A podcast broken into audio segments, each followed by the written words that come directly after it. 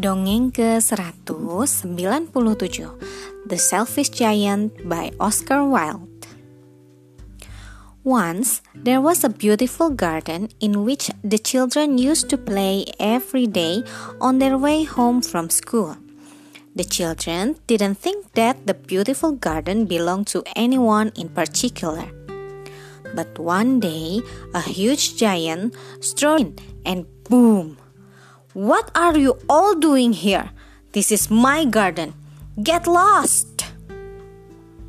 Seven years ago, the giant had gone to visit his friend, the Cornish ogre.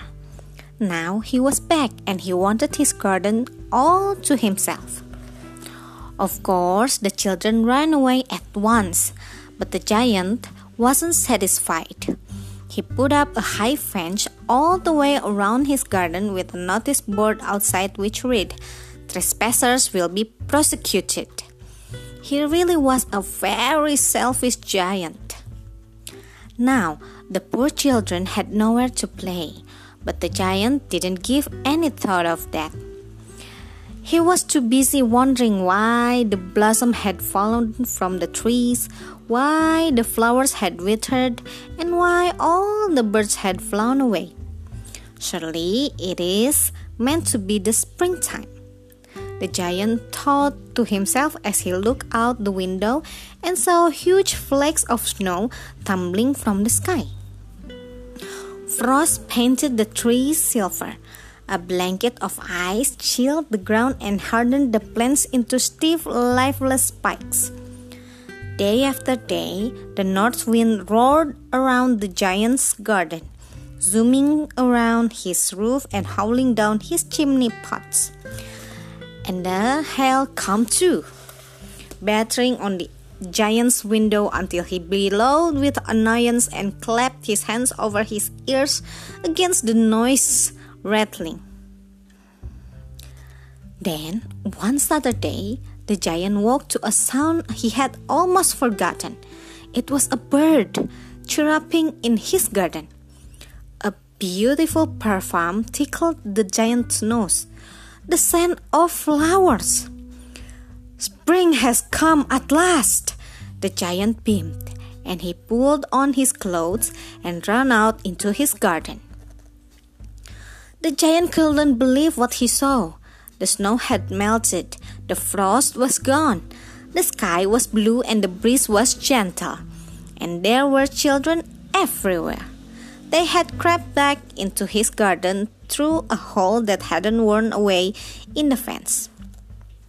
Now the children were sitting in the trees heavy with ripe fruit, playing among flower, be- flower beds filled with nodding blossoms running over emerald green grass scattered with daisies and buttercups.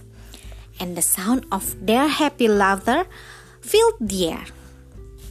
Only in one corner of the garden was it still winter. A little boy was standing in a patch of snow, looking up at the bare branches of a chestnut tree and crying because he couldn't reach it. The giant's heart ached as he watched. Now I know what makes my garden beautiful, he said. It is the children. How selfish I have been. The giant strode through the garden towards the sobbing little boy. He scooped him up gently and set him among the icy boughs of the chestnut tree. At once, leaves appeared all over the branches. It was spring. The little boy's face brightened into a huge smile, and he reached his arm up around the giant's neck and hugged him. It is your garden now, little children, laughed the giant. The giant took his axe, knocked down the fence, and had more fun than he had ever had before, playing with them all day. Only one thing spoiled the giant's new happiness. He looked all over his garden for the little boy whom he had helped into the tree, but he was nowhere to be found. The giant loved the little boy the best because he had hugged him, and he longed more, more than anything to see his friend again. Many years passed, and the children came every day to play in the garden. the giant became old and creaky. Eventually, he could not longer run about and let the children climb over him as he had done. He sat in a special armchair so he could watch the children enjoying themselves. My garden is beautiful, he would say to himself, but the children are the most beautiful things of all. Sometimes the, the giant's gray head would nod and he would begin to snore, and the children would creep away quietly so they didn't disturb him.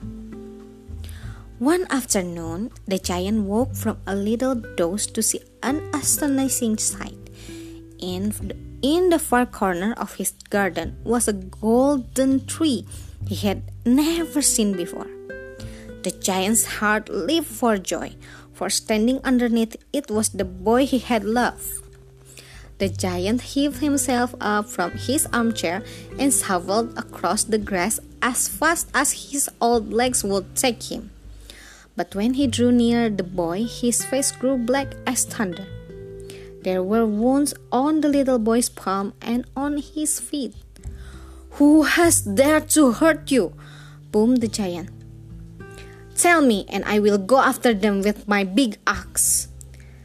These are the marks of love, the little boy smiled. He took the giant's hand.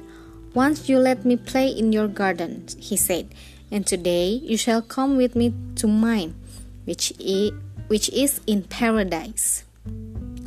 And when the little came, and when the little children came running to play that afternoon, they found the giant lying dead under the beautiful tree, covered with beautiful blanket of snowy white blossoms. Sekian, terima kasih telah mendengarkan. Selamat malam.